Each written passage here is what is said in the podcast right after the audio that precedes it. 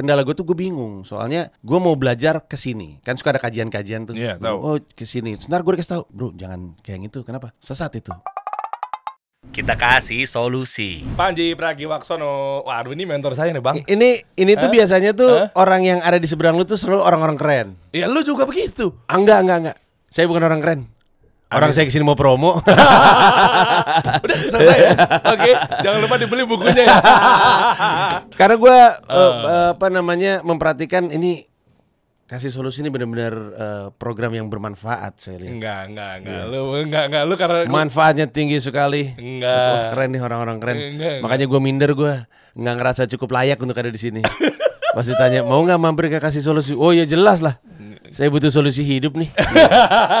Tadi ruangan gua enggak gitu kayaknya ngomongnya. Hah? Emang begitu ngomongnya? Siapa gue? Iya. Ya kan gue kan bunglon. Menyesuaikan diri. Berubah-ubah cara ngomong saya. Aduh, ini mentor saya nih guys. Dari zaman radio dia jadi senior saya.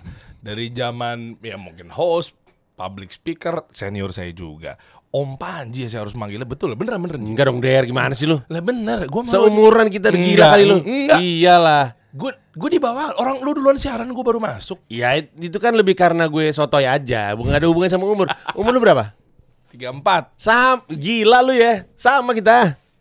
Sama. Ji, lu jangan bohongin gue, gue tahu umur lu. Sama tapi empatnya tau- tukar posisi. Set. Iya. gue tahu. Empatnya maju. Oh, Iya iya iya. Wah suatu kebanggaan men. Enggak lah. Presiden stand up comedy Indo 2024. Enggak gue dong, tidak ada saya urusan gitu.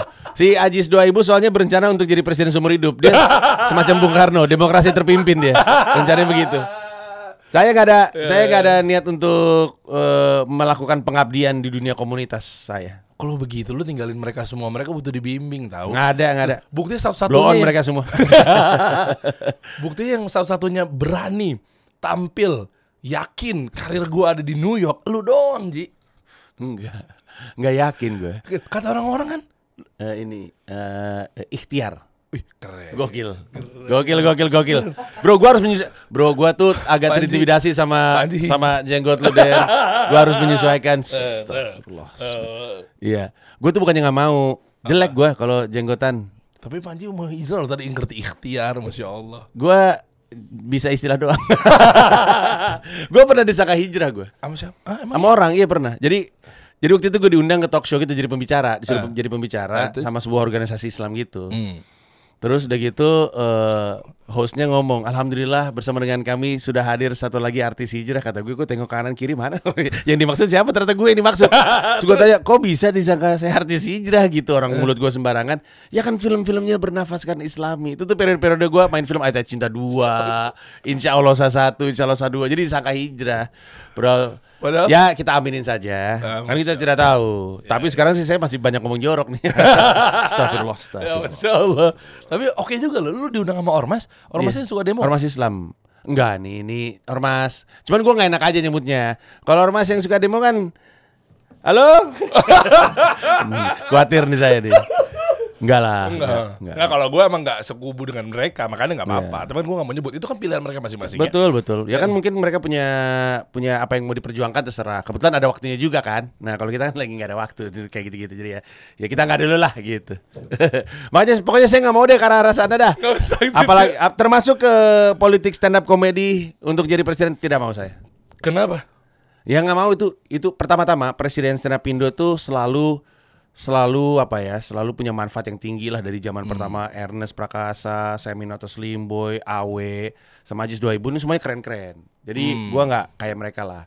Terutama Ajis 2000 sekarang ini presiden yang sangat dicintai rakyatnya karena gebrakannya ada mulu gitu. Oh, berarti kerjanya bagus Oh ya? bagus, bagus banget, bagus Oh. banget. Ibarat pemerintahan Republik Indonesia tuh kayak, kayak, kayak ya gitu. Lu yang bilang jangan mancing-mancing. Oh iya, saya Lu lupa. lagi. Ah, lupa saya. Lupa, lupa, lupa, lupa, lupa. Tapi Oke. Aji sama Erwin adalah kombinasi presiden rumah presiden yang disayangi sama kami kami. Enggak, lu ngomong begitu biar lu nggak dipilih, biar mereka tetap lanjut Nggak ada yang mau terus. milih gue, bro. Nggak ada yang mau milih gue lah. Ya ada. oke gue. Bisa lah, lu nya nggak mau, lu nya mau ke belakang, lu aja ribet takutnya. Iya benar, gue takut. Tapi gini Ji, eh, yang mau gue bahas gini adalah eh, banyak teman-teman, eh, ya kita fokus untuk bahas eh, insight yang memang lu miliki dan lu ha- hadirkan lo ke mereka semua dong. Boleh. Personal brand, Ya. personal development. Ya. Gua beberapa acara kesempatan ketika ngisi ya, ya mau sharing-sharing dan lain Hmm. sebagainya, gue juga jujur gua. Kita belum janjian sebelumnya, tapi gue bawain eh, statement lo yang Hmm. Ambil aja. Bro. Nggak apa-apa. Hmm. Iya, gua makanya gue izin sekarang ya, kayak misalnya personal brand dan seterusnya. Karena memang ada yang nanya kebetulan bukan personal brand itu beda dengan eh, bedanya apa sama ria gitu kan? Hmm, Bedanya apa sama lo show off dan seterusnya. Akhirnya gue cuma bilang mengingatkan gue adalah mentor gue Panji Pragiwaksono gue bilang Gue tuh beban kalau lu bilang kayak gitu. Bener, Ji. Emang- Kayak bener Loh. omongan gue. Lah emang bener, Iya. bener. Gue banyak belajar waktu di radio itu, MRA yang sekarang dari lima radio tinggal Saat dua. dua, Dua, betul. iya kan? Iya. Eh, tiga bro. Tiga bro. Dua. Tiga. Trax nggak ada, Cosmo udah bubar juga. Berapa? Ada dong. Hard Rock? Hard Rock ada. I-Radio ada. Hard Rock kan tutup ya? Ada bro. Eh, apa Hard Rock? Enggak bro, ada bro. Hard Rock Ada ada. ya? Hard Rock ada, I-Radio ada sama berapa? Tiga Oh berarti. tiga berarti ya. Tiga, iya, maksudnya tiga. kan dari waktu itu masih komplit Lima, kan. betul. Iya, gue banyak belajar sama Steny siaran pagi sama Betul. coach coach Rene Suwardono. Betul sekali. Di sini dia tiap minggu. Yes. Lo di situ juga. Steny adalah eh, sohib gue. Sohib gue. Gue ini gara-gara Instagram nih ya kita kayak gini ya. Iya, iya, Iya, gue janjian mau ketemu sama dia tuh. Aduh iya bro, gue lupa lagi. Gue mau ngatur makan. Dia tadinya ngajak ke rumah mau dimasakin kata gue. Ah ribet bener lu udah nggak usah. Nggak usah gitu. Emang begitu. Emang Steny kalau lagi mau nyuruh orang untuk hijrah dia Ya, paling bagus, bagus, bagus, bagus. Emang harus ada hidangan-hidangan gitu ya. Ya, adanya air zam-zam, ya kan korma. Subhanallah. Standing nggak apa-apa, bro. Ayo. gue harusnya belain dia ya. Iya, nggak apa-apa. Gue waktu itu juga pernah. gue inget banget nih. Apa tuh? Gue gua gua habis bikin konten sama Steny. Hmm. Terus udah gitu, eh, kan Steny kan sekarang kan karena udah lebih dalam dalam Islam, jadi perspektifnya tuh banyak tentang Islam gitu. Hmm, Ya, ya, masya Allah. Ya. Iya, terus udah gitu gue ngomongin soal waktu itu gue takut mati karena waktu itu gue kan gue kurus karena apa memperbaiki kesehatan gue kan. Ya lu vegan sekarang ya? Eh ya, eh, ya 80% lah gitu. Eh, Terus udah gitu gue pernah cerita gue sempet waktu itu ada zaman zamannya tuh gue takut tidur karena takut mati pas gue tidur. Terus Danny bilang gini, "Eh, Mali, nih gue kasih baca bacaan. Lu baca ini tiap malam, insya Allah ketika lu tidur dijagain sama malaikat. Terus gue bilang, tapi kalau gue nyebelin malaikatnya terpaksa nggak ya? Nemenin gua, gua bilang. ya mesti gue temenin lah mana nih orang ngaco lagi kelakuannya. Amalnya ngaco ditemenin sama gue gitu. Terus tapi ya itulah. Steady Steady eh, selalu berusaha untuk membawa gue ke arah yang lebih baik. Sayang gue mungkin mungkin kelak mungkin kelak tapi eh, belum lah belum. Iya, dan waktu itu pernah main ke kantor juga Hmm. eh, Om Steny itu eh, t- cerita juga.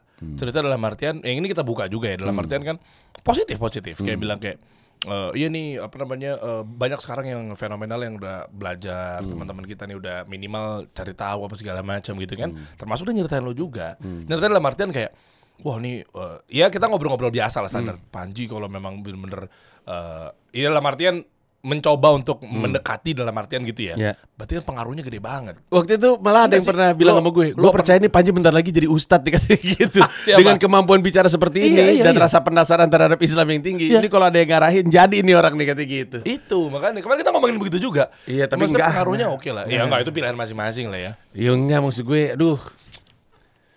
Gue ngaco mulut gue ngaco dah. Kita nggak ada yang tahu Ji. Kita gua ada. tahu nggak? Gue tuh diajak umroh waktu itu suatu hari. Keren. Ada yang nawarin gue, Ji. Bagus, oke. eh, kebetulan travel memang, travel. eh, mau nggak umroh? gue bayarin semuanya. Hmm. Em, terus udah gitu dia pa- paling posting-posting gitu. Terus tadi gue sempet bilang enggak, enggak lah gitu, belum belum waktunya. Ini kan masih haji kecil gitu. Iya ya enggak enggak belum. Tapi, tapi gue pikir "Hmm, mungkin gue dapat ba- bahan materi stand up nih ketika gue berangkat sana. Motivasinya aja salah bro. Motivasinya aja salah. Ketawa tuh Helmino. Pegawai lo no ketawa. no. Emang kurang ajar Helmi. Karyawan gue yang paling gak bisa diatur. Enggak artinya maksud gue mungkin akan ada waktunya tapi mungkin belum kali ya. Rasa penasaran ada. Materi stand up gue tuh banyak tentang Islam. Iya, gue tahu, Yang kemarin yang lu. Komoi Domeno itu itu banyak ngomongin soal ada surat Al-Kahfi gue bahas di situ, ada ada tentang eh, apa tuh eh, Nuaiman gue bahas juga di situ. Banyak gila gue tuh gila bro gue tuh. ah. Eh tapi gue penasaran. Islami banget gue nih.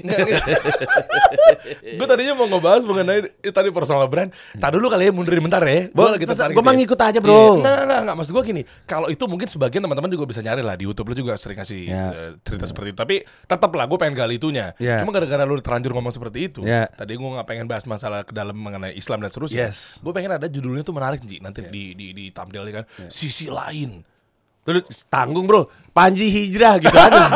tanggung bener ya gak? Eh, tanggung bro. Enggak, kan gue nggak bisa bilang seperti Atau Panji itu. hijrah tanda tanya, tanda tanya, tanda tanya. Oh, biar biar aman. Iya biar aman. enggak, enggak kalau emang enggak ya enggak. Cuma maksud gue, gue pengen tahu eh, sebagai pembeda di antara media-media yang lainnya, ya. Eh, sebenarnya ini juga nggak direncanain sih, ini ngalir apa adanya aja. Kayak kemarin kan Helmi Yahya juga mampir. Kebetulan dia cerita dulunya dia anak tukang gorengan apa segala macam. Akhirnya ah udah deh seru nih kita ngalirin aja ke sana. Akhirnya jadi eh, judul terus pecah dan seterusnya. Ya. Nah maksud gue itu tadi lu udah bahas itu. Gue pengen tahu dulu deh. Ayo. Eh, menurut lo Islam ini gimana? Nah ini Keren. kita nggak ada rencana. Islam is my way. Islam is the best. Itu stiker Nggak, mobil. nggak, nggak. Tuh kan, tuh kan, lo diplomatis Eh, pasti. gi- Gimana tuh maksudnya apa? Islam tuh gimana tuh apa? Gini gini gini bro. Gue mau tahu ya, ini nggak ada maksud ngegiring ke mana-mana nggak? Ya. Kan eh, stigma tentang Islam buat sebagian orang yang mungkin ranahnya dia nggak fokus untuk belajar agama lebih dalam gitu ya. Ya. Pasti kan macam-macam. Ya. Ekstrim, radikal. Ya. Apalagi penampilan gue ya, jenggot, celananya misalnya naik. Ah, enggak itu enggak radikal lah. Ya enggak makanya kan gue nggak tahu stigmanya begitu dan seterusnya. gue sih harapnya lo jangan keluar dengan kata-kata diplomatis, Ji. Please, bener nih. Gue Iya. tahu pasti lo normatif diplomatis. Bukan Nggak. diplomatis, senang melucui aja gue nih. Iya, iya, iya. Tapi apa? Tapi aman, tapi aman. Di sini mah aman. Iya. Maksudnya kalaupun haters yang juga. yang ditanya apa maksudnya? Iya, perspektif. Tentang Islam. Iya. Maksudnya Sebelum the brand. ya? state of Islam sekarang di mata masyarakat gitu maksudnya. Iya. Boleh. Oke. Nah. Ini keyakinan gue. Gue ngerasa banyak banget orang di Indonesia dan ini bukan hanya terhadap Islam, ini terhadap banyak hal. Itu senengnya tuh mengelompokkan. Jadi kan warna tuh ada spektrum. Ini gue jadi serius gak apa-apa ya? Oh, enggak apa-apa, enggak apa-apa, enggak apa-apa. Warna itu kan ada spektrum. Kalau kita ngomong hijau, hijau juga banyak kan jenisnya kan. Betul. Ada hijau muda sampai hijau sampai hijau tua banget gitu kan. Betul, betul. Nah, setiap spektrum itu kan berbeda-beda. Ini kita akan ngomongin Islam Hmm. ya. Islam tuh ada banyak dan segala macam ya.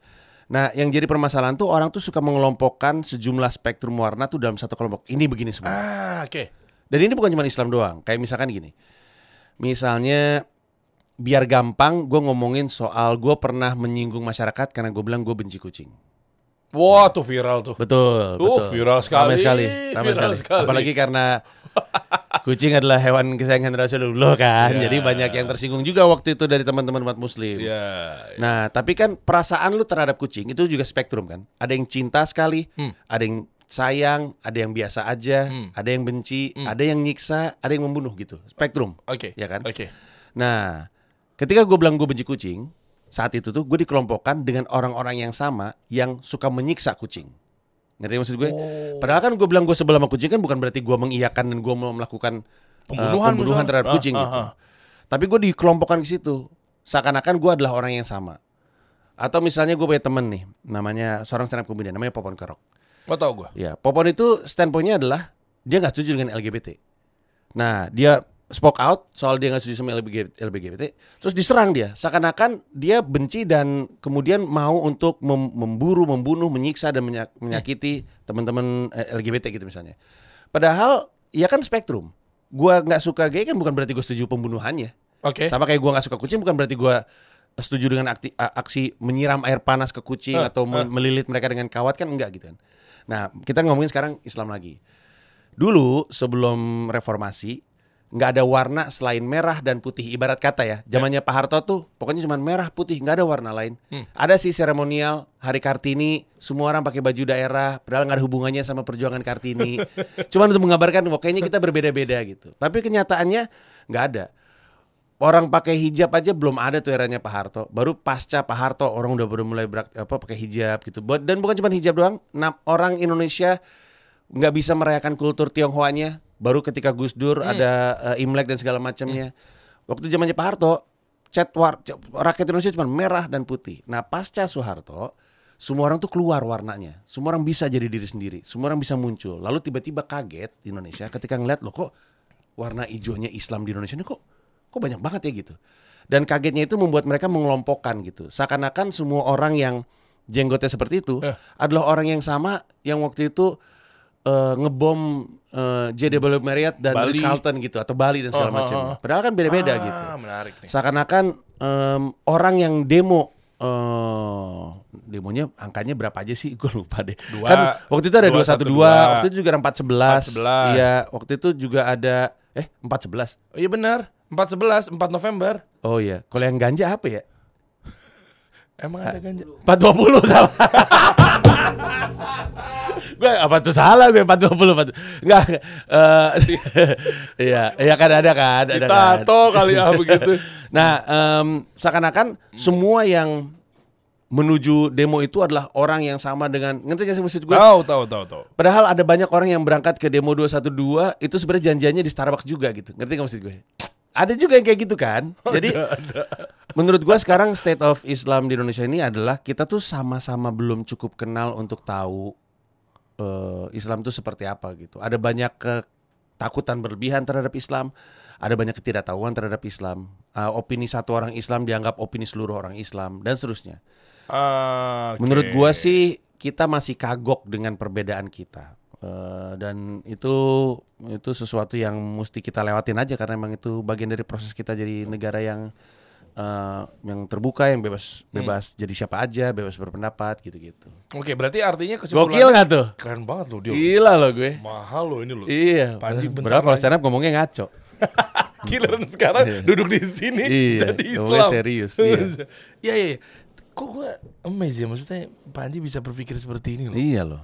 Berarti artinya ter- Tergantung gua ngobrol sama siapa. Kalau ngobrol sama orang pintar ikut pintar. Masya Allah. Gila emang. Ya, ya, ya, ya.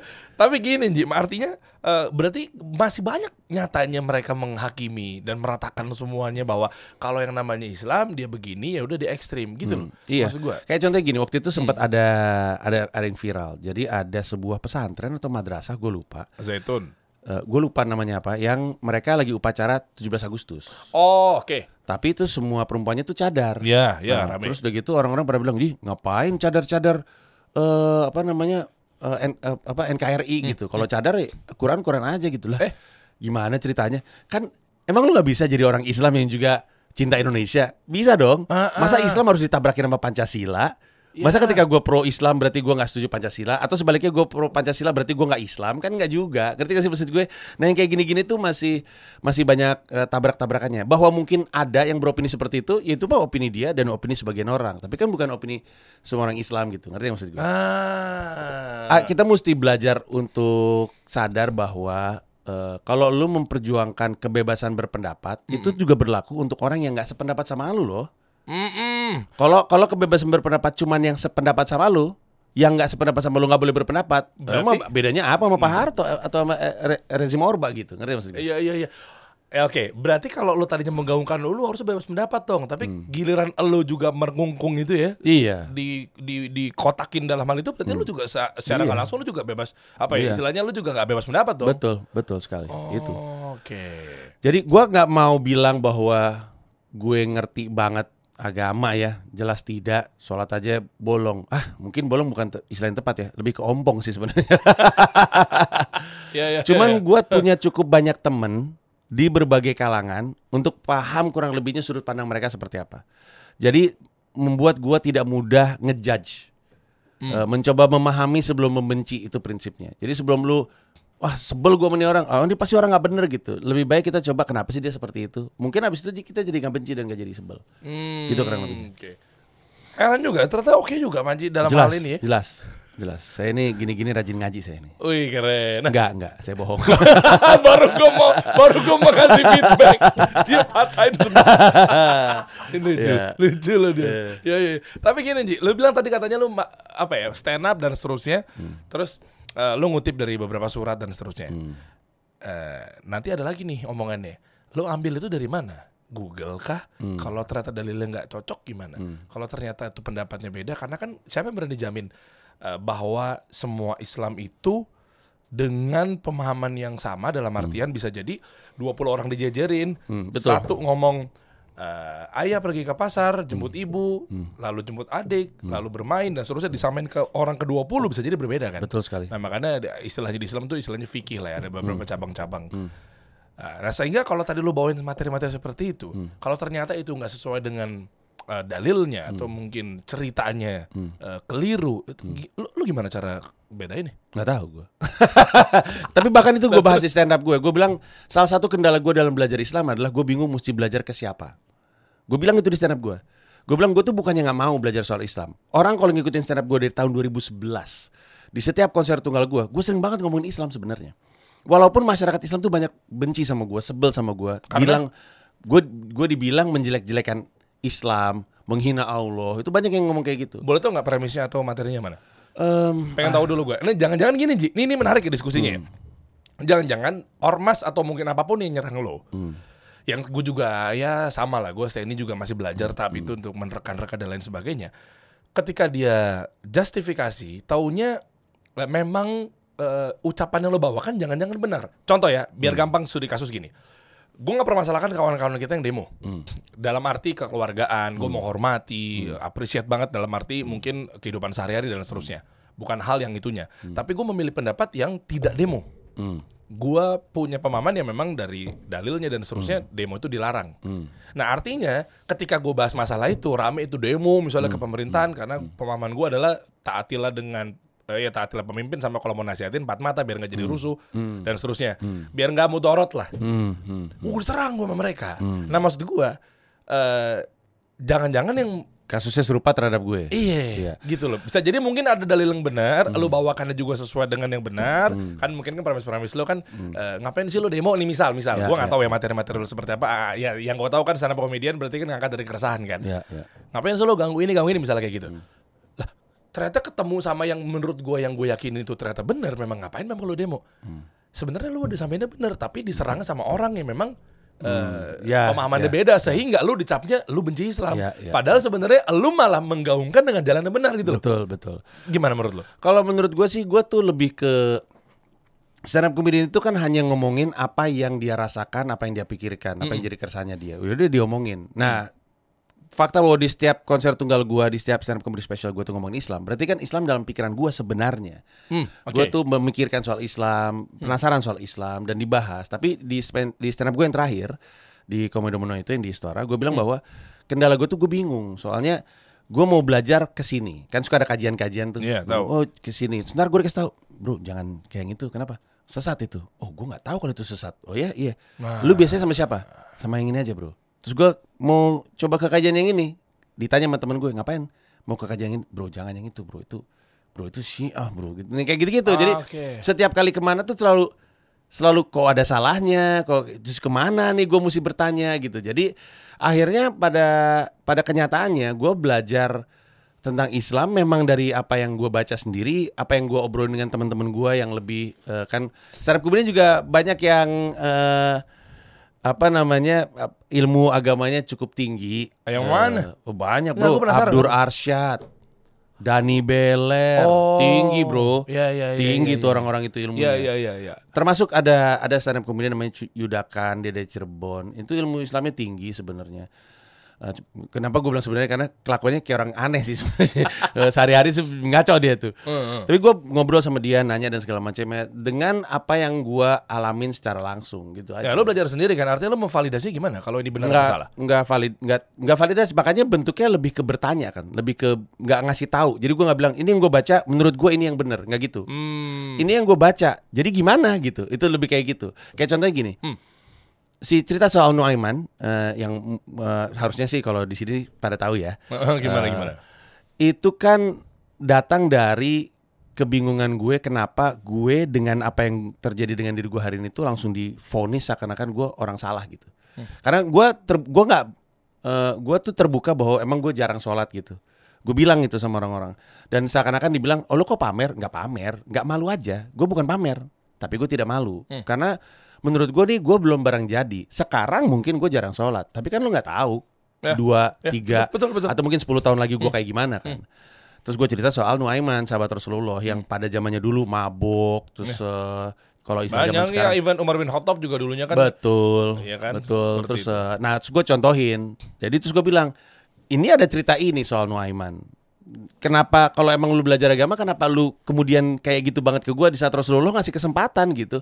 Ini sahabat gue, jangan lu hina dia. Pada akhirnya kan eh, Nuaiman kan juga apa eh, menyembah Allah Subhanahu wa taala ya, Hmm. terus gitu mengikuti perintahnya, menjauhi larangannya. Tapi kan pada zaman itu pun eh, Rasulullah juga bilang jangan lu sentuh gitu, sahabat gua gitu. Kan konon kan cuma Nuaiman yang bisa bikin Rasulullah ketawa sampai terbahak-bahak katanya seperti itu. Hmm. Jadi kata gue Kalau Rasulullah aja nyontohin seperti itu, kenapa lu kemudian nggak ngasih gua kesempatan untuk bertumbuh seakan-akan gua walaupun umurnya udah 43 tahun ini kelar bertumbuh jadi manusia? Enggak juga, Bro. Kan lu nggak tahu. Bener kan? Iya, nah ini kan lebih ke penasaran. Gue nggak ngasih tahu lu, lu harus seperti ini. Gue nggak ngasih tahu ini yang benar. Gue cuma ngasih tahu. Gue gua taunya ini. Kenapa kelakuan lu seperti itu? Itu yang jadi masalah. Nah di sisi Oh. lain ada juga eh, rasa penasaran gue yang kemudian membuat orang tersinggung gitu. Padahal tidak dimaksudkan dengan menyinggung. apa contohnya? Kayak contohnya gue ada ada materi stand up tentang pemerkosaan. Kan di Indonesia kan anggapannya pemerkosaan terjadi karena pakaian perempuannya. Argumen Oke. gue Oke. pemerkosaan mah terjadi karena laki-lakinya emang bajingan. Exactly betul. Nah, gue bilang Eh, kalau eh, di- dia nggak nunjukin pandangan, dia mungkin eh, itu gitu ya. Ya, terus, intinya sih kelaminnya nggak bisa diatur, udah gitu aja kan sebenarnya kan. Nah, terus udah gitu, tapi enggak kalau perempuannya pakaiannya nggak kayak gitu, nggak akan kejadian. Nah, terus gue bilang, kalau lu lihat statistiknya, bahkan ada pemerkosaan terjadi terhadap perempuan yang berhijab gitu. Terus udah gitu diartikan dengan orang, berarti maksud Panji perempuan nggak usah berhijab. Siapa yang ngomong gitu? Gue nggak pernah ngomong gitu. Nggak ada gue ngomong gitu. Nah, terus kan ini kan jadi rame kan. Sehingga gue seakan-akan tuh di persepsi Gue pernah ngeliat di Facebook ada posting Panji Jenderal Dajjal. Eh, apa sih apa sih? Iya bener. Siapa? Ada orang bikin kayak gitu. Akunnya. Ada ada ada grup Facebook Panji Jenderal Dajjal atau apa gitu. Coba coba buka buka. Coba cari ada. Sambil cari sambil cari coba. Jadi ada foto gue di depan komika-komika Indonesia lain. Kesannya gue tuh memimpin, Oh, memimpin komika-komika ini. sekte baru. Iya, iya. Itu gila Isinya itu. apa? Isinya apa? Hinaan gue doang. Hinaan terhadap gue, terhadap stand up comedy. Dari yang mulai eh, statement-statement lu semuanya Iya, itu yang pernah. Gue ya. Padahal sekali lagi gue tuh cuman lebih ke resah aja eh, dan menurut gue hmm, resahnya gue tuh harusnya ditampung baik gitu. Kebayang nggak Oke, maksud gue? Oke. Gue ini udah jalan setengah. Jangan lu dorong ke bawah karena gue kebayang gak maksud gue? Lu udah bangun. Iya, Jangan iya. lu hancurin lagi dong Iya. gitu. Ini soal vegan. Tadi lu sempat vegan. Ya, vegan. Gue bilang bahwa gue gua mulai gue nyebutnya plant based sih. Jadi makanan gue tuh semua berbasis tanaman lah intinya. Eh, sayur, buah gitu-gitu kan. Karena aspek kesehatan waktu itu kesehatan gue buruk lah. Hmm. Tapi gue bilang gue masih longgar. Gue masih longgar. Artinya gue nggak mau nggak mau memaksa diri gue untuk langsung total gitu. Gue gue belum lah, belum waktunya. Hmm, Nah tapi orang-orang vegan itu dan ini diakui oleh oleh Ando Vida Lopez ya yang juga vegan. Hmm, hmm. Ketika misalnya gue makan sesuatu daging, langsung dia, wah lu parah lu. Mana? Katanya ngaku vegan. Lu pura-pura ya? Katanya gini, nah, gue bilang, bro gue ini lagi berproses. Kalau lu ngeliat gue udah mulai jalan ke arah situ, pelan-pelan lah, kasih lah gue waktu gitu. Kalau misalnya gue, kalau gue makan daging dikit, lu hina dan lu serang kayak gitu, gue jadi mental balik lagi nih, gue gak jadi full gitu. Kebayang gak maksud gue? Ah, Siapa Jadi- nyerang sosialis? Enggak, so, enggak itu orang-orang vegan lain. Oh, vegan-vegan ya. Iya. Mereka emang banyak yang kuat lah gitu. Iya eh, militan aja gitu. Militan. Termasuk nih karena kita konteksnya Islam ya. Lu suka ngeliat nggak ada eh, artis gitu Hijrah? perempuan? Bukan. Belum belum. Oh, belum. Artis perempuan. Suatu hari dia foto-foto di sosmednya pakai hijab. Ya. Nah, dia mulai nyoba gitu istilahnya. Tapi terus gitu dari posting lain dia copot gitu. Iya, tahu, tahu karena gue. mungkin emang, nah, gue masih mencoba lah gitu, masih pelan-pelan gitu. Terus karena copot diserang, gimana sih lu gimana udah bener dan segala macamnya kata gue. Orang kan pelan-pelan. Kebayang gak sih maksud gue? Iya, iya, iya, iya, iya. Gue sih cuman bilang bahwa gue nggak mau ngaku jauh lah, gue nggak akan ngaku gue paling ngerti, nggak akan ngaku paling terbaik. Tapi yang gue tahu pada saat ini tidak ada yang bisa meyakinkan gue eh, bahwa atas keyakinan gue terhadap Islam, terhadap Allah Subhanahu Wa Taala, Rasulullah, keyakinan gue tinggi lah gitu. Tapi gue nggak, gue nggak secara praktek beragamanya memang masih banyak bolongnya. Cuman gue mau bilang, ini tuh gue tuh lagi berproses, gue tuh bukan barang jadi. Jadi santai aja Oh, menyikapi gue gitu. Wah, masya Allah. Ji, ini menarik Hebat ya. tuh gue? Keren juga dia. Ternyata Emang gue keren. cocok lah pantesan juru bicara Anies Baswedan. Ah, lucu bener itu. Masuk aja. enggak, enggak, enggak. enggak, enggak. Gini, gini.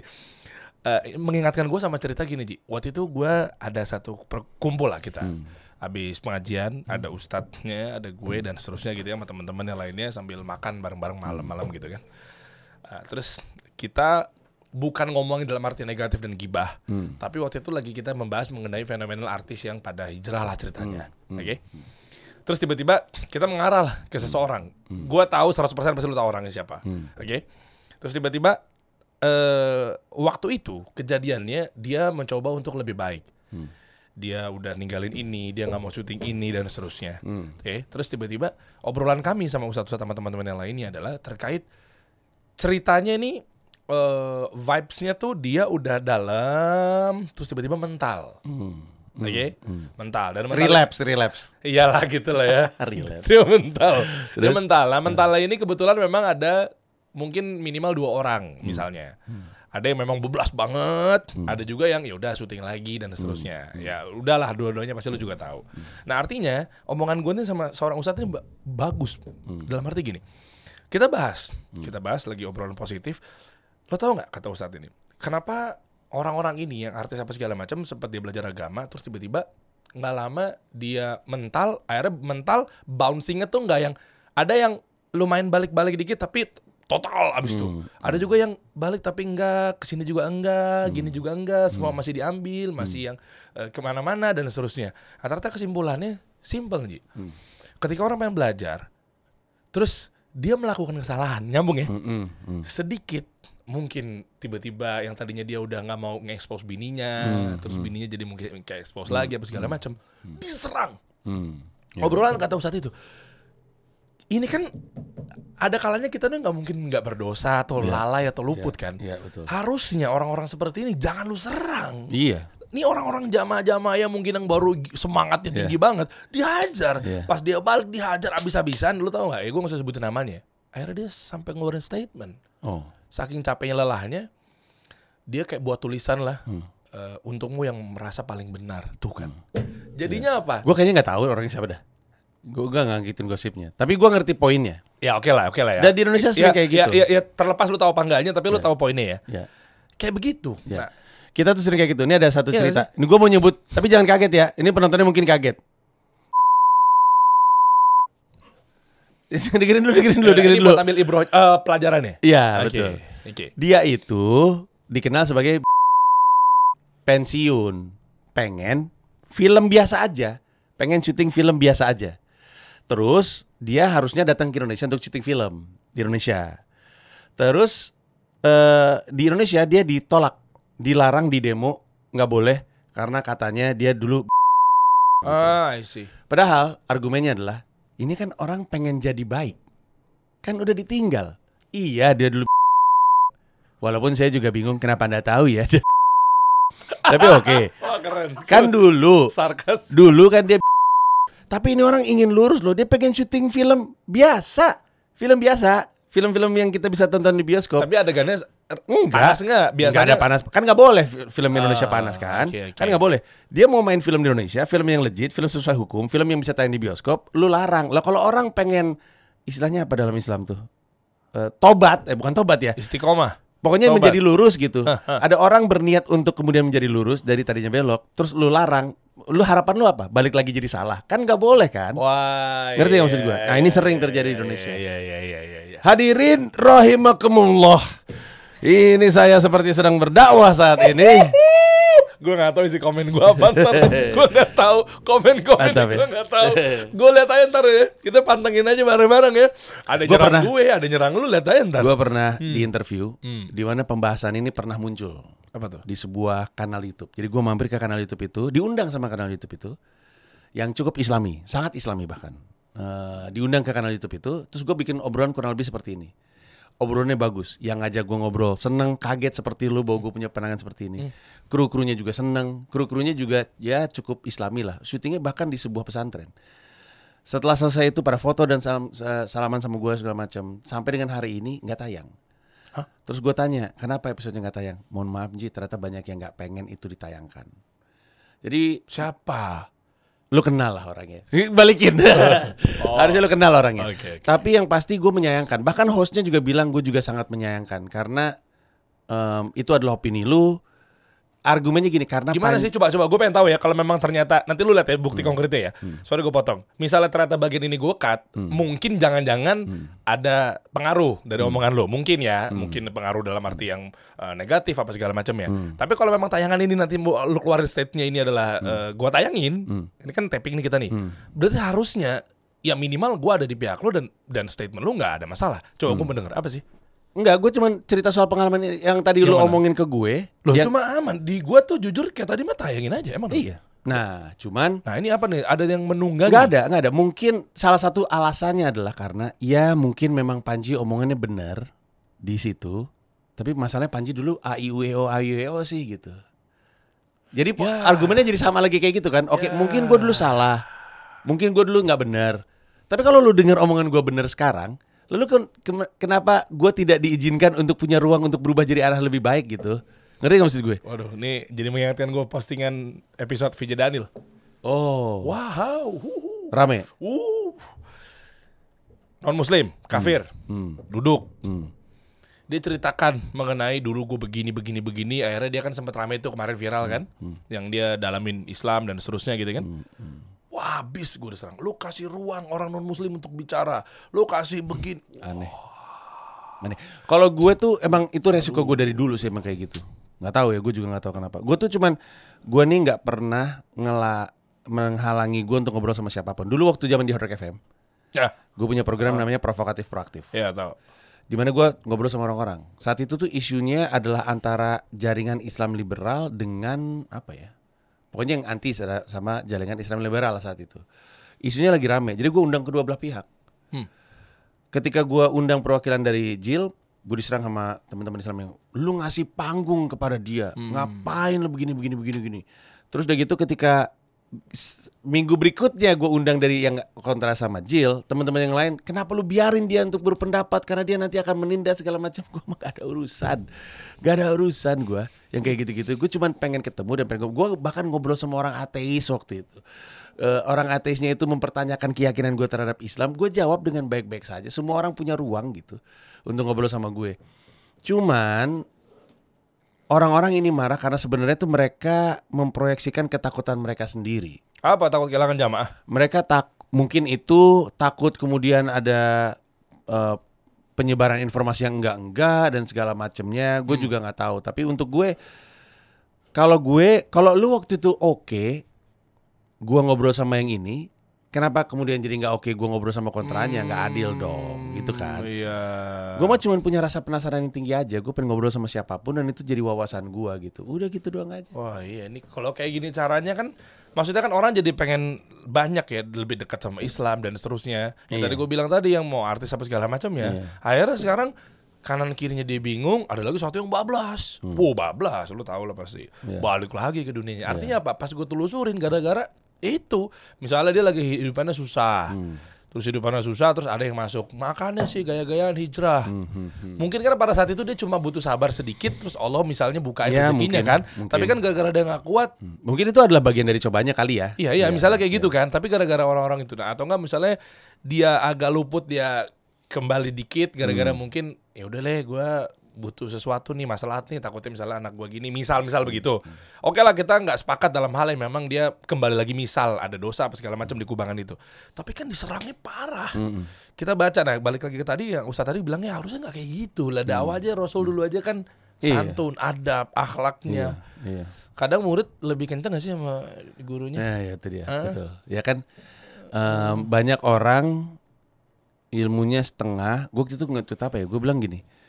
Untuk orang yang nggak punya ilmu, orang lain yang ilmunya setengah berasa jenius. Bayang nggak maksud gue? ah oke Gue nggak punya ilmu nih. Ah. Terus ada orang ilmunya setengah sebenarnya. Artinya dia mungkin belum pol-pol banget. Lalu karena gue ilmunya nol, gue nganggap dia jenius. Sehingga gue ngikut aja omongan dia. Padahal ilmunya dia juga setengah gitu. Ngerti Oke, maksud gue? Jadi dia mengarahkan ini salah, ini salah, ini ini, ini segala macam, ini nggak bener segala macam. Padahal dia juga ilmunya setengah. Tapi karena gue ilmunya nol, di mata gue dia oh ini jenius nih. Wah gitu ya. Makanya itu sebenarnya itu ajakan untuk makanya kita sendiri angkat ilmu kita juga. Biar orang-orang yang ilmu setengah tuh tidak seperti orang jenius luar biasa di mata kita karena kita juga punya ilmu, kita orang berilmu Dan jadi kita setara tahu. juga, kita bisa Betul. tahu levelnya Oh, ya. ternyata dia nggak salah deng dia gitu misalnya. Ya. Itu itu aja yang terjadi di Indonesia karena ilmunya setengah, kelakuannya kayak penuh gitu. Iya. Banyak. Ya, kok jadi gue lagi bahasnya ini lebih dalam ya. Seru soalnya Ji. Memang suruh nggak apa-apa. Paling kalau urusan promo cuma tipis-tipis aja.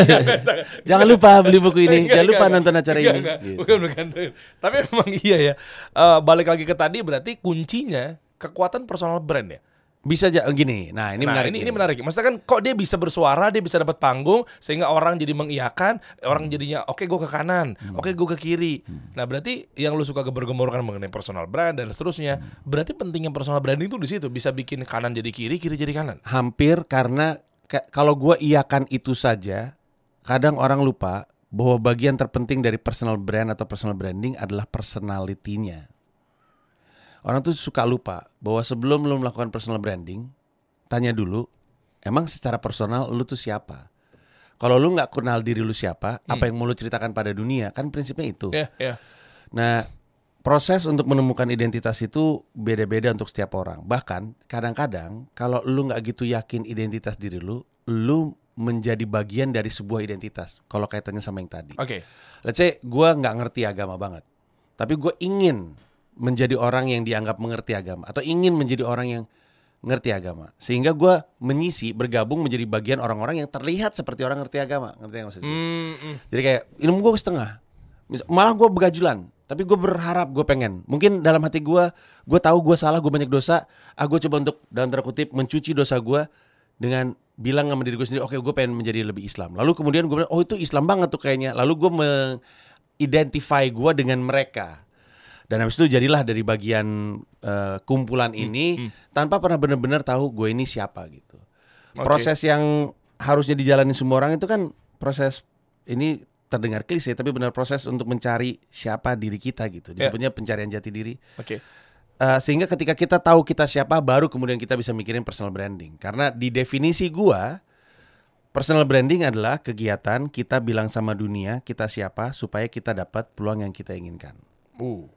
Kegiatan Ya. kita bilang sama dunia kita ini siapa supaya kelak kita dapat peluang yang kita inginkan. Tapi kan itu berarti kita harus tahu dulu emang peluang yang gue inginkan apa sih dan kenapa gue ingin peluang itu itu langsung berkaitan dengan siapa identitas kita gitu. Gue tambahin nih statementnya Gue saking ngefans dan juga muridnya Panji Pragiwaksono Akhirnya waktu itu lu bilang juga tambahannya Sampai gue inget nih Gimana caranya lu bisa diundang ke stadion Manchester United Iya betul sekali. Ya kan Dibilangin gue tuh dari radio gue udah belajar sama lu Ji ya. Tapi kalau lu nggak ngasih tahu lu Betul. suka bola, gimana caranya next Carlos bisa diundang ke restoran? Iya. Kalau lu nggak ngasih tahu lu bisa makan ini, lu Iya. nge-review ini, Iya. ngedukasi tentang makanan yang memang harusnya begini dipakai buat begini. Iya. Ya itu kan kegiatan ngasih tahu ke publiknya begitu kan. Iya, iya. Eh, nah, makan dengan punya kekuatan itu artinya bisa dong lu bisa ngegiring masa ke sini, Bisa, pitching sekalipun. bisa. Makanya kadang-kadang Hmm. gini personal brand itu sangat-sangat kuat sebenarnya. Hmm. Yang mana em, di mana-mana kan selalu berlaku sama ya. Lu bisa nggak bertanggung jawab dengan kekuatan yang lu miliki gitu. Ya. Kadang orang ngebangun personal brandnya untuk sesuatu yang tidak baik gitu. Ya. Mengarahkan orang ke arah yang nggak benar. Itu kan sering kayak gitu. Kayak Hmm. di sosmed tuh ada orang yang ngebangun personal brandnya sebagai orang yang kaya muda. Tapi sebenarnya itu diarahkan karena dia lagi nipu lewat eh, robot trading atau apa segala macam nyari duit dari karena, karena banyak kayak gitu. Ya. Anak-anak muda ngelihat, wow, gue juga ingin umur 20 mobil mewah, eh, rumah gede gitu. Ya, belinya tengah malam gitu. ya. Iya gitu dan ternyata sebenarnya dia membangun brand itu dengan tidak benar bukan personalitinya dia yang sesungguhnya bukan identitasnya dia dan itu digunakan untuk jahat. Nah, itu. Pada saat yang bersamaan lu bisa ini prinsip ini berlaku luas sekali gitu bisa jadi manfaat untuk lu bisa jadi manfaat untuk lu di dunia kerja gitu misalnya. Kalau peluang yang lu inginkan adalah naik jabatan dan mencapai posisi tertentu, apakah mungkin itu bisa diberikan kepada lu kalau lu nggak nunjukin bahwa lu tuh layak untuk mendapatkan itu gitu Eh, keren. dengan entah eh, helpful, inisiatif, coba bantu kasih solusi ketika ada masalah, coba selesaikan permasalahan sosial yang ada di kantor, eh, nunjukin skill leadership lu. Tapi kalau misalkan dalam hati lu bilang, ah gue pengen dapat peluang gitu, gue pengen dapat eh, kesempatan untuk naik naik jabatan gitu, tapi lu nya telat, lu nya nggak punya inisiatif. Kalau ada orang punya masalah, lu bilang itu bukan masalah gue. Apakah apakah itu yang akan terjadi gitu?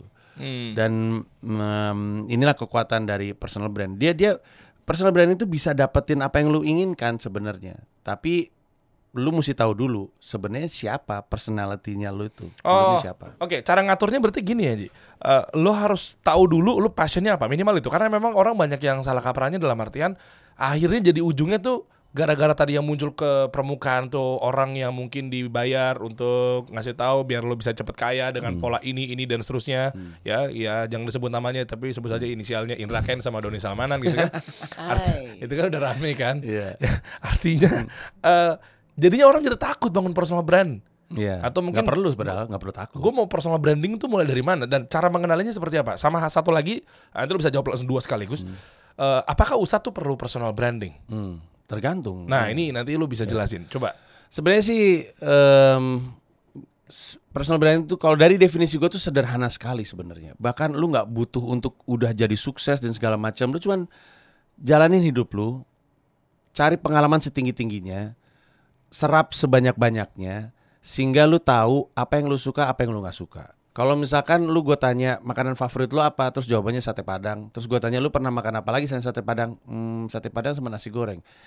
Kayaknya susah deh untuk gue percaya bahwa sate padang tuh makanan favorit lu. Orang lu cuma makan dua seumur hidup gitu kan. iya iya Kalau lu makan ratusan bahkan ribuan menu, kemudian lu bilang lu suka sate padang, oke, mungkin fix gitu kan. Nah, sebenarnya hidup tuh cuma butuh itu. Perluas aja pengalaman lu. Cukup untuk membuat lu tahu sebenarnya gua nih sukanya apa. Dan bahkan kalau boleh jujur, prinsip-prinsip lu yang paling mendasar itu malah munculnya ketika lu ketemu permasalahan berat gitu.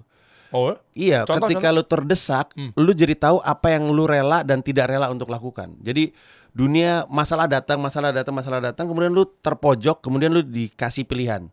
Mau ini enggak untuk jalan keluar? Terus nanti lu akan bertanya sama diri lu sendiri, apakah gua mau melakukan hal seperti ini? Ada jalan keluarnya sih, tapi ini sesuai dengan nilai-nilai gua nggak gitu. Kalau ternyata lu bilang enggak sih, gua walaupun ini ada duitnya, walaupun ini bisa ngebantu gue, kayaknya enggak deh. Gua nggak akan ngambil itu. Di titik itu lu tahu prinsip-prinsip lu yang hanya muncul justru ketika lu terdesak gitu. oh Ya kasarnya kayak ada orang yang misalnya udah jalan ke arah yang lebih baik tapi nggak ada rezekinya. ya Terus udah lagi terdesak, nggak ada duit banget dan apa segala macam, tiba-tiba ada ada tawaran yang sebenarnya mm, salah lah gitu. Misalkan lagi terdesak, eh Gim, jualan narkoba aja gitu. Ada duitnya nih 10 juta cepet gitu. Sekarang lu berpikir kan, 10 juta cepet. Di sinilah kemudian siapa diri lu tuh muncul. Ketika lagi terdesak, lagi kena masalah, siapa diri lu tuh muncul. Apakah lu bilang, hmm, iya deh tapi gua ngambil sekali aja deh, sekali aja. Habis itu gua nggak akan lagi gitu. Atau kalau bilang, aduh walaupun duitnya gua butuh banget tapi kayaknya gua nggak bisa. Kan nilai-nilai lu muncul di situ. Hmm, Tapi itu juga cuma datang kalau lu mau punya pengalaman gitu. Masalah ini ini tampak counter intuitif, tapi masalah hidup itu datang dari kesediaan lu untuk mencoba sesuatu yang nggak pernah lu lakuin sebelumnya. Jadi lu emang harus explore namanya. Kalau lu cuma ngelakuin apa yang udah pernah lakuin, ketebak semua juga gampang. Nggak ada yang susah dari mengulang sesuatu yang lu lakuin tiap hari. Tapi Wih. kalau lu mencoba sesuatu yang belum pernah lakuin, peluangnya adalah mungkin lu salah dan salah itu membuat lu terdesak. ah, Dan ketika itu terjadi, baru kemudian personality lu muncul, identitas lu muncul, nilai-nilai lu muncul, semakin kuat dan semakin paham pemahaman lu tentang diri lu sendiri, baru kemudian lu bisa bilang, gue kayaknya tahu apa yang mau gue yang mau gue lakukan dalam hidup. Baru kemudian lu tahu, oh gue tahu berarti peluang apa yang gue inginkan. Kalau gue tahu peluang apa yang gue inginkan, oke, gue akan bilang sama dunia gue ingin peluang itu untuk membuka jalan peluangnya untuk datang gitu. uh, Panji Teguh Pas pusing banget gue ngomong bener dari tadi. dia gue tuh tertekan gue yakin Helmi dalam hati bilang, eh di kantor nggak pernah gini-gini amat gitu. deh." kok tumben bos gue gini ya ya udah biasa gue gue di, markas comikir dia tidur mulu kok. Ya, bos tidur mulu. Emang iya, Helmi takut dia. Takut. Konten, konten. Buat konten. Konten mulu. ya, ya, sama tambahan lagi. Ini lu banget juga nih. Hmm. Gimana nih ini buat ambil pelajarannya bagus nih. Menang catur sekali. Gue tuh tahu Ji, gue tuh murid lo Ji. Udahlah. Dari zaman radio sampai sekarang gue tuh berguru sama lo Ji. Gue belajar siaran gimana caranya Iya. biar bisa kayak lo, biar bisa ya apa pun itu ya. Makanya gue sampai apal statement lo tuh gue rangkumin satu persatu. Bener bener. Ini bukan Bener. gara-gara mau ngeriset uh, Hmm. gue mau manggil lo Ji, tapi karena memang gue juga banyak belajar sama lo, Hmm. gue ngefans sama lo dan seterusnya. Jadi de- video-video lama tuh Hmm. gue tahu ketika menang catur sekali Ya, akan dong. ya. Ya kalau lu menang catur sekali, Iya. nggak akan ada orang yang bilang lu jago catur. Iya. Tapi kalau lu menang catur berkali-kali, kemudian reputasi akan nempel. Dan itu ngomongin soal habit gitu, soal konsistensi dalam melakukan sesuatu gitu. Hmm. Iya. Dan dengan konsistensi lu melakukan kegiatan personal branding itulah reputasi yang lu harapkan akan nempel. Itu kan cuma bilang gini, oke, gue pengennya em, dapat peluang untuk dikirim call Trevor, tapi dalam sebulan lu posting tentang kecintaan lu terhadap MU cuma satu dari 100. Gimana? Ya nggak akan nyampe Iya, gitu. betul. Kayak yang tadi dibilang, eh, lu menang main catur sekali nggak akan dianggap jago catur Iya. gitu. Emang harus konsisten untuk bisa nyampe ke sana gitu. Itu itu poinnya sebenarnya dari kutipan tadi. Oke, nice. Dan terkait dari personal brand juga sebenarnya bisa gak sih lo memanfaatkan personal branding dengan lo kuat, ya kan? Lo dikenal sama orang, dunia tahu bahwa lo ini punya value apa, sampai akhirnya misalnya lo bangun bisnis, lo ketemu investor, lo ketemu sama orang-orang yang memang betul-betul bisa membawakan peluang lebih dari lo misalnya. Contoh, gue pengen deh menjadi importer sukses. Gue pengen deh mungkin ke negeri seberang untuk belajar sama orang-orang yang memang yang kita tahu di ya di TV, di film dan seterusnya kan. Oh orang-orang Amerika seperti ini. Contoh misalnya, mungkin gak sih gue kerjasama sama mungkin investor atau venture capital dari New York misalnya.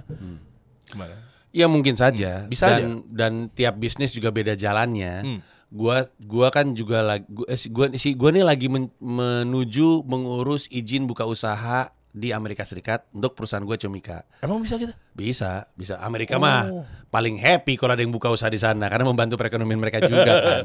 Iya, dan dia kan minim UMKM juga ya. Betul. Iya, iya, Sementara eh, dari sisi gue, kehadiran gue di Amerika tuh harusnya bisa punya manfaat baik untuk perusahaan. Hmm. Em, dan ada banyak, nah yang gue pengen banget kasih tahu adalah bahwa walaupun ada banyak jalan pintas yang bisa aja gue ambil dengan memanfaatkan personal brand gue, tapi ada hal-hal yang sifatnya mendasar yang harus dikuasai dulu gitu kasarnya. Kayak misalkan gini, em, kan gue eh, suka ngomong seperti ini kurang lebihnya ke stand up comedian. Iya. Komika-komika Indonesia tahu bahwa mereka em, harus ngebangun reputasi mereka dan segala macamnya dan harus berkarakter. Gue punya kutipan sedikit lebih beda, lebih baik daripada sedikit lebih Wah, baik. itu favorit juga tuh. Iya. Tapi itu membuat mereka berpikir, oh mungkin menjadi beda saja cukup, menjadi unik saja cukup. Nyatanya? Kalau lu komedian lu tetap harus lucu, basicnya lucu dulu. Buat apa lu menjadi unik dan menjadi berbeda tapi lu nggak bisa bikin orang ketawa kan? Ah, iya. Kasarnya, Ah, ya kan? ah. Buat apa? Oh, gua gua dikenal sebagai komedian yang gondrong gitu. Ya, lucu nggak? Kan lu komedian. Dasarnya tuh harus lucu dulu, baru lu aneh-aneh gitu. Sama dalam bisnis.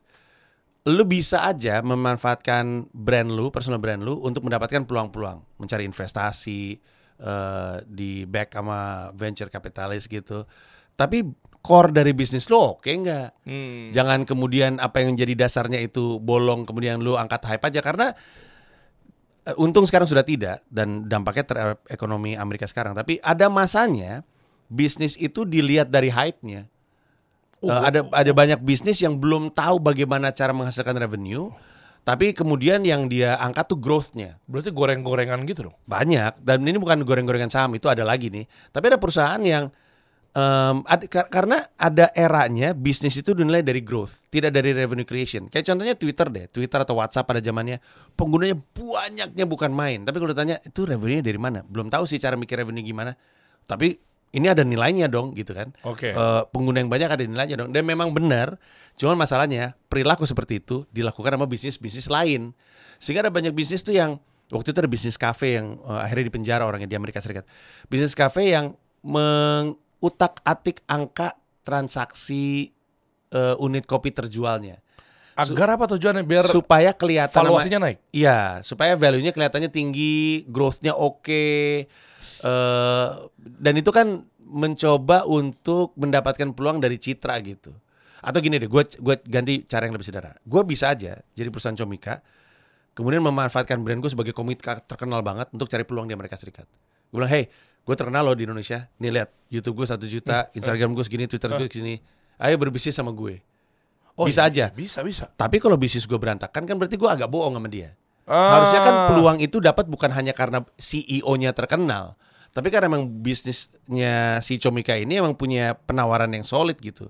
Secara bisnis dia oke gitu. Ah, oke. Bisnisnya oke, ditambah personal brand yang oke, jadi makin-makin. Cuma masalahnya adalah orang menangin personal brandnya untuk mendapatkan peluang bisnisnya, bisnisnya sebenarnya kosong. Ya, Banyak, ya, banyak belakangan ini, banyak banyak sekali. roboh, banyak bisnis roboh Ya, kemarin. ya, ya, ya. Karena hype-nya tinggi tapi core-nya kurang. Nah, eh, Comika bahkan gua personally tidak ingin melakukan jalan seperti itu. Di kan gue di New York kan stand up. Ah. Eh, dan gue mulai dari bawah. Eh, gue mulai dari acara-acara tanpa bayaran, gue ikut menjajakan tiket di pinggir jalan. Oh ya? Iya di trotoar. eh, anybody wanna watch comedy show, comedy show gitu. Serius lu? Iya, iya dari dari dari situ. Terus gue ditanya sama komedian-komedian New York yang tahu gue siapa, yang tahu gue di Indonesia seperti apa. Terus dia mereka bilang, you do know you don't have to do this, right? You don't have to do this. Lu kasih tahu aja comedy club, eh lihat nih, followers gue banyak. Lu juga dapat peluang kata mereka. Gue bilang mungkin iya, mungkin iya. Gue mungkin bisa menggunakan brand dan reputasi gue untuk dapat peluang, mungkin. Hmm. Cuma masalahnya ketika peluang itu diberikan, kalau gue nggak bisa bikin orang ketawa, percuma.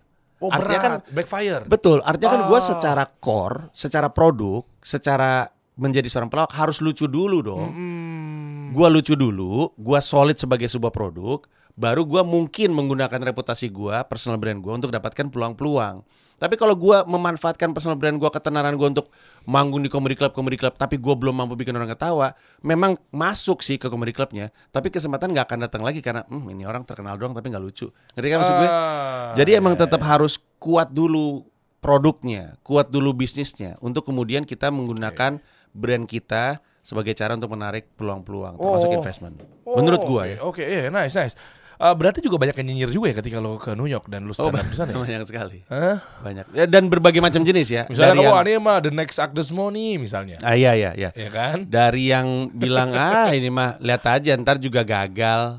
Ya, ngapain Ah. ke Amerika Serikat kalau cuman jadi kayak Agnes Monica yang nggak terkenal tapi hype-nya tinggi. Kasihan sebenarnya Agnes. Apa pun yang Aris lakukan itu juga nggak mudah. Nggak semua orang bisa ngelakuin apa yang dia capai gitu. Iya, iya. Cuman eh, ada yang kayak gitu, terus ada yang mana mungkin orang Indonesia sukses di Amerika Serikat. Ada yang kayak gitu. Eh, ba- ada banyak sih. Tapi ya namanya juga orang ya. Orang kan punya otak dan punya mulut itu terserah terserah aja. Oh, oke. Benar-benar seperti itu. Dan satu lagi berarti kalau dari gua amatin tadi yang statement lo tadi barusan, Hmm. ketika lo personal branding yang dibangun bla bla bla bla, akhirnya ada kemungkinan peluang untuk menjadi investment gitu Hmm. kan, eh, dapat ini pendanaan dan seterusnya, networking, jaringan dan lain sebagainya. Hmm. Mungkin ada cara kedua Ji, ya mungkin lo lupa, lo sendiri aja lupa Apa itu? beli buku ini. Memang benar. Ini benar. Ini memang bermanfaat. Ini buku bagus. Bisa Anda beli di pecahkan.com mulai 5 Juni. Langsung jualan. Bercerita tentang kehidupan saya di New York. Oke, coba gimana boleh saya kasih panggung. Nggak karena banyak orang Iya, iya, berpikir iya. ini ilmu eh, buku teori. Justru sebaliknya. Teorinya ada tipis aja. Ini tuh sebenarnya kayak istilahnya apa ya di dunia literatur ya? Kayak novel tapi true story gitu. Iya makanya coba, sorry. ini- Tentang kehidupan gue di New York. Iya, ini belum bisa dibeli ya berarti ya. Eh, mulai 5 Juni baru. Nah, nih ya, gue jujur ya, maksudnya bukan karena memang di depan lu ada, eh depan gue ada lu juga gitu. Tapi beneran deh dari daftar isinya tadi gue lihat, ternyata kayak membangun pertemanan di pertemanan di New York City. Terus juga tadi mana lagi ya? Gue lihat tuh, nih kemampuan bertahan bertubi-tubi, mengurus izin kerja. Nah maksud gue kan ini insight ya.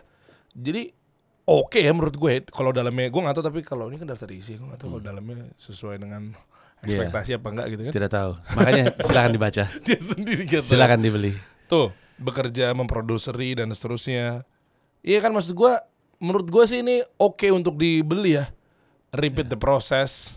Iya. Hidup di Menurut New York. gue buku itu Oke. Hmm, punya banyak paralel dengan misalnya orang merantau dari Padang pindah ke Jakarta. Mereka ba- banyak relate sama buku itu. Oke. Orang yang pengen memperjuangkan mimpi juga relate sama buku itu. Orang yang dalam hati bercita-cita pengen deh gue tinggal di Amerika Serikat pasti juga akan senang baca buku itu. Tapi Islam di sana gimana? Ini gua agak singgung bentar ke audiens gue ya. Ketika udah di sana kan Beda ya secara kultur. Ada yang sama kayak bubaran Jumatan banyak yang jualan sama. sama ya? sama. Sama kan ya? sama, sama. Di Oh, itu seluruh dunia, Bro. juga. Seluruh dunia, Bro. gue mikirin keren-keren gitu Amerika masa bubar Jumatan langsung Sama, Bro. Sama persis. NYPD-nya datang gitu. Sama, Enggak, sama. dagang juga. Bedanya cuma satu. Kalau di masjid-masjid Amerika Serikat, terutama kota-kota kayak Chicago gitu-gitu ya, Uh-huh. banyak polisi di depan. Jumatan. Ketika lagi Jumatan, ada banyak polisi yang jagain. Oh, stigmanya masih ada di sana. Banyak yang suka nyerang. Hah? Banyak yang suka nyerang. Oh, banyak yang istilahnya apa sih? Eh bukan rasis. ya. Vandalisme apa sih? Eh, ya pokoknya banyak yang Islamofobia? Ya itu dia, banyak Oh. Islamofobia gitu. Banyak yang nyerang ke situ. Jadi orang yang mau beribadah tuh harus jagain polisi. Makanya gua sama resahnya dan sama kasihannya sama teman-teman umat Kristiani yang mau beribadah harus dijagain polisi gitu karena takut ada bom kan kasihan kan. Mm-mm. Nah, gua ngerasain itu ketika gue di sana justru. Jadi sebagai orang Islam gue cuman mau jumatan dong kok kayak kayak bakal ada apaan sih sama gue gitu jadi nggak enak kan hidup beragama seperti itu gitu tapi kalau di New York sih orang New York tuh tahu istilah segala macam. Gue inget gue lagi di kereta di subway sama temen gue namanya Josh. Terus gue bilang eh, dia ngajakin gue manggung. Gue bilang tapi minggu depan gue balik gitu. Terus dia nanya emang mau ngapain? Terus eh, gue gue mau menjelaskan Lebaran sama dia. Terus eh, ya ada hari besar ajaran eh, ada hari besar agama gue lah. Pokoknya kayak apa ya? Kayak perayaan hari besar agama tapi untuk Islam. Terus dia bilang terus dia bilang gini you mean eat? gitu. Loh kalau lu tahu? Lah bro gue orang New York bro. Orang New York tuh ragam. Gue tahu semuanya. Dia bisa dia ngomong Ibnu Barak segala macam Oh, ya? tahu iya. Jadi eh, di sana di sana stand up comedian Islam juga banyak di sana yang personanya di atas panggung ngomongin soal Islam banyak. Gue juga banyak ngomongin soal keislaman ketika di atas panggung gitu gitu Di New York? Iya di New York. Nggak nggak masalah tuh. nggak masalah sama sekali. Kalau New York ya kalau New York tidak masalah sama sekali. Sangat beragam DC kok. kali ya. DC mungkin. Ya kan dulu kan yang menara kembar itu. Iya itu di situ. Memang Apa aku gue lupa sih? eh, WTC. 911. Iya, iya. 911, 911. Kan 911 Iya, ya kasus betul. itu kan waktu Iya. itu. Hmm. Eh, 911 lu kenapa lo? Ada maling di rumah lo? Si Helmi kan. Gue baru nge. aneh dia. A- Aneh. Kata gue juga emang orang aneh dia. Lo kenapa habis film nonton film The Call? Iya. Apa sih? Eh, 911, Suruh 911. telepon 911 katanya. Udah nggak aman. Iya. Oke. Ya, Jadi sebenarnya menjadi orang Islam, orang Lebaran aja seru di sana. Ya, Yang tadi gue cerita tuh Lebaran dua tahun yang lalu. Kemarin gue berlebaran di New York eh, sama sholat id di sana. Menyenangkan sekali. Oh ya semuanya. viral tuh sholat id di New York Times Square yang rame-rame. Itu terawih. bukan- Eh terawih Iya, lupa lupa gue. itu terawih. Itu rame juga tuh. Gue nggak ikutan karena jauh dari rumah gue. Rumah gue di pelosok bro. Pelosok banget. Nggak di map. Ada kalau Kan lu buka map. ditinggal- ini kan ini ini kita sambil kita beda buku bentar ya. Ya, ya. Terakhir terakhir nih. Maksudnya kan lu bilang tadi eh, tinggal ya. Eh, sorry ya itu halamannya coplok. Kok copot nih? Ya, itu barang reject sebenarnya yang gue gue bawa. Kenapa lu? Eh, cuman untuk promo doang. Oh promo. Tadi tadi- Mana sih tadi tinggal di New York ya? Queens. Eh, hidup di nah lewat apa? Mengurus izin kerja. Ya. Coba deh, gue mewakil netizen. Lu Iya. tinggal di rumah siapa?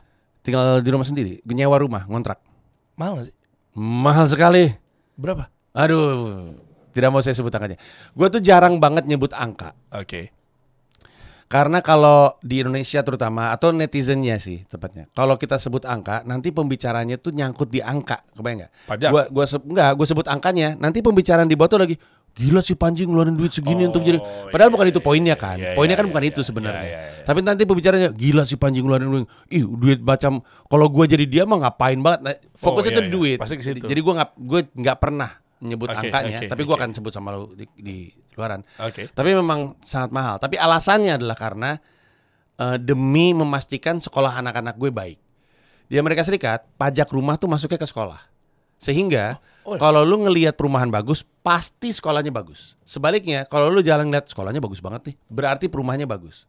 Pada saat yang bersamaan, lu ngeliat sekolah, kasihan banget nih sekolah. Berarti perumahannya busuk banget itu. Oh gitu ya. Betul. Nah, karena gue sama istri gue takut dengan penembakan di sekolah, bullying dan segala Ah, macam kemarin tuh rame tuh.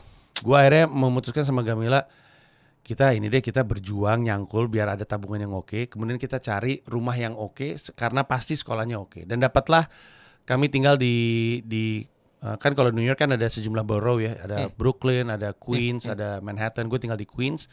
Di Queens ada area Flushing jadi misalnya orang kan kalau ngelihat New York tuh yang mereka lihat sebenarnya Manhattan ya, ya pulau kecil itu Gue Iya, juga mikirnya ke situ. Iya. Ah. Nah, misalkan ini Manhattan nih. Ini Brooklyn. Ini Queens nih. Nah, Flushing sebelah sono tuh. jauh banget. Bekasi. Saking jauhnya nggak ada kereta, nggak ada subway. jadi gua harus naik bis ke mana-mana, jauh. Tangerangnya apa Bekasinya apa Depoknya? Nah, kayak Bogor. BSD, BSD. Oh, BSD. Iya, kayak BSD-nya. Terus sementara pusat Iya, iya, di gua, iya, makanya gua Jauh kalau jauh memang. Jauh memang. Gua kalau ke gua mau kalau mau open mic satu setengah jam naik kereta. Eh. Gitu.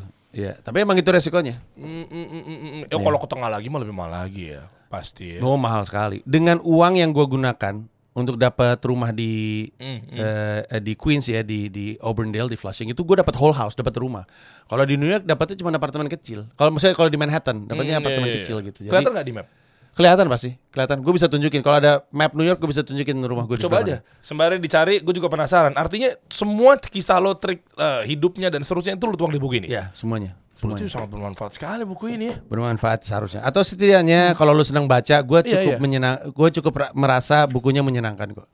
Tapi kalau minat baca turun kan gimana menurut lo? Kan lagi rame. Toko buku Gunung Agung bangkrut. Betul. Menurut gue Hmm. bukan salah minat baca orang Indonesia yang rendah. Orang Indonesia nggak ada yang tahu minatnya apa. Kalau lu tahu minat lu apa juga lu ngegali, termasuk lewat buku. Itu dia masalahnya. Gua waktu itu pernah diwawancara di sebuah toko buku. Tolong dong gimana caranya meningkatkan minat baca orang Indonesia. Caranya adalah bantu mereka menemukan minat. Kalau nggak tahu minatnya apa, nggak ngegali apa-apa mereka. Nah, untuk mencari minatnya kalau dituang dalam sebuah buku, dia pasti akan cari di sini ya. Kalau kayak misalkan ya, gue tuh senang baca. Gue punya perpustakaan. Waktu gue pindah ke New York, tapi gue sumbangin ke perpustakaan lain gitu. Gue di rumah punya perpustakaan. Yang mana aneh, karena gue dulu berpikir gue nggak suka baca waktu gue kecil. Oke. Tapi ternyata bukannya gue nggak suka baca. Gue nggak suka baca buku pelajaran karena nggak berminat. Gue malah dulu baca buku trio detektif, tebel dan segala macamnya. Oh, ya ya ya ya ya. Eh, Apa tuh? Oh, ini ya udah. oh, Dapat. bu- ini eh, kan? bukan. Lu bukan, kan Queens. bukan Queens Village. Brooklyn tuh yang katanya Bronx gitu ya. Eh, Bronx ada lagi. Ada lagi. Tapi Brooklyn. Coba lu buka New York map aja.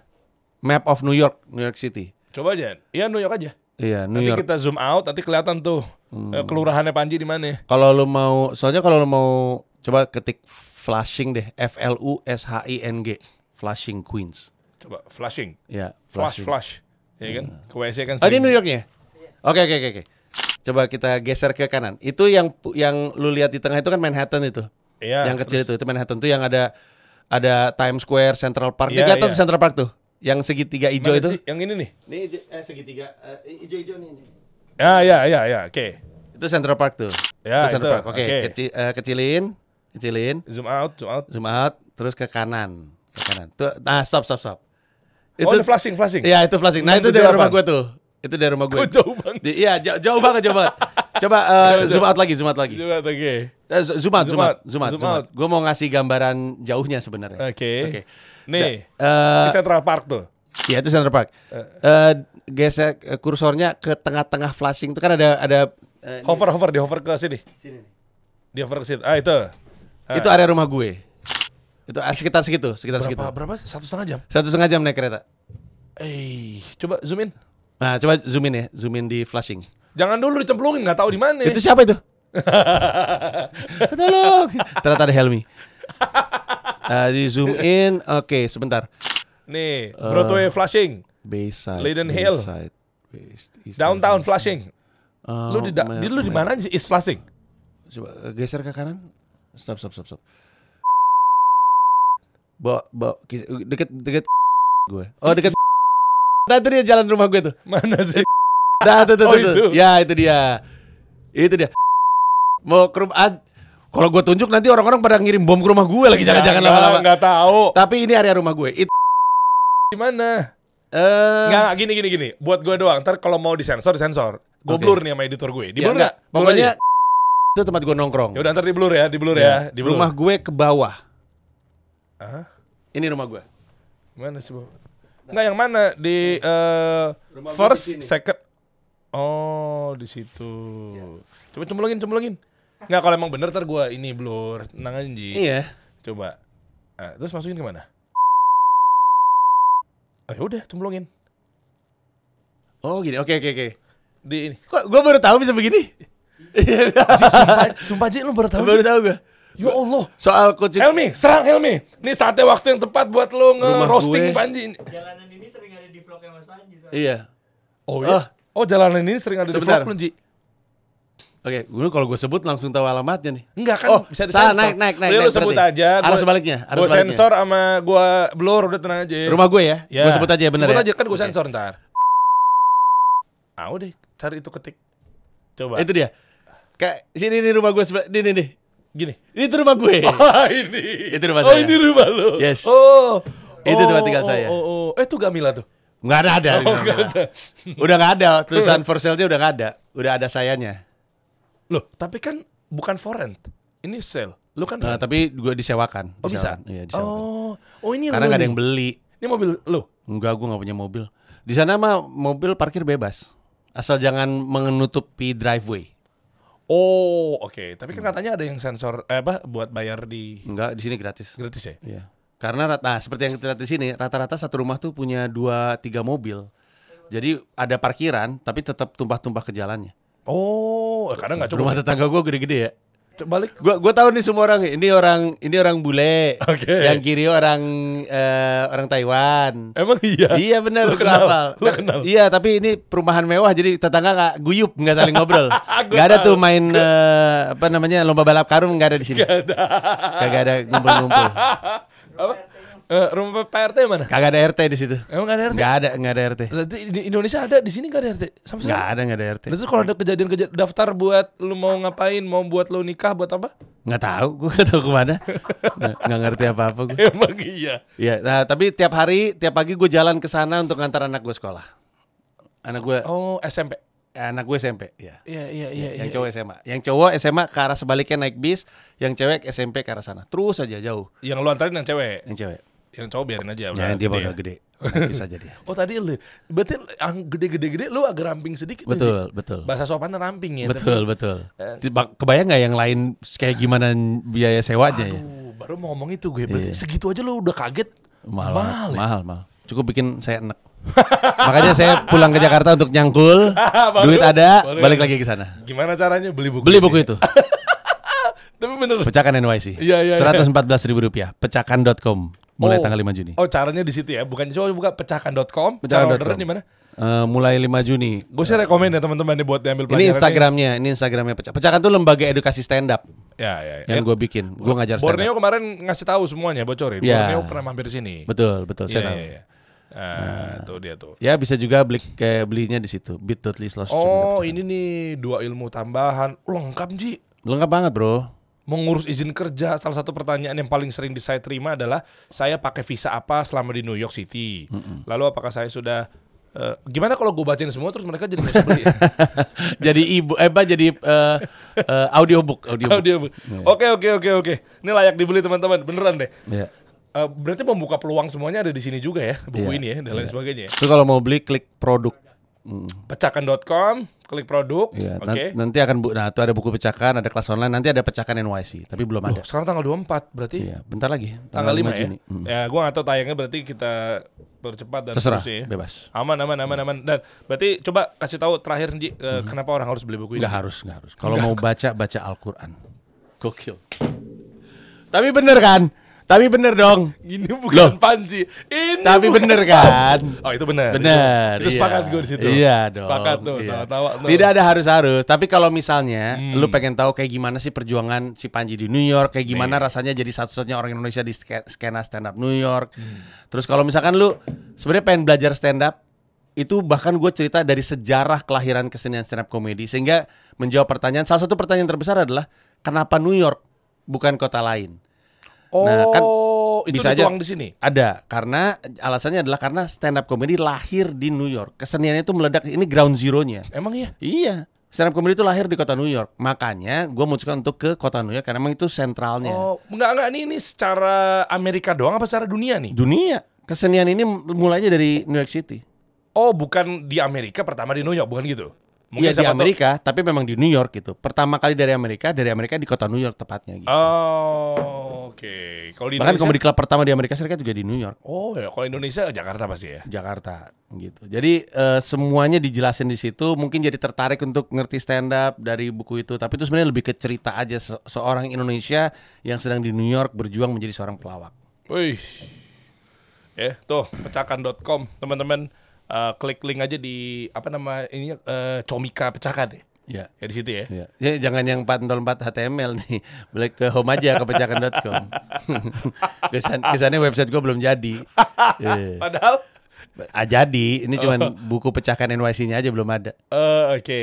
Eh, nice nice. Maaf ya kami Nah, itu dia. Kan ini enak kalau Ini gitu. siapa mereka-mereka ini kan Ridwan Remin. Gua gua kenal mesti mereka tuh bagian dari pecahkan. Iya, mereka mereka stand up comedian yang ngajar. Dani Beler itu yang di sebelah kiri, Tahu. Awe yang di sebelah kanan, Ulwan Fahri dan Ridwan Remin. Mereka adalah komika yang juga ngajar stand up comedy di Pecahkan. Uh, Awe udah sukses banget ya, udah gemuk banget sekarang ya. Eh, iya, tapi itu bukan menunjukkan sukses sih, lebih ke banyak makan.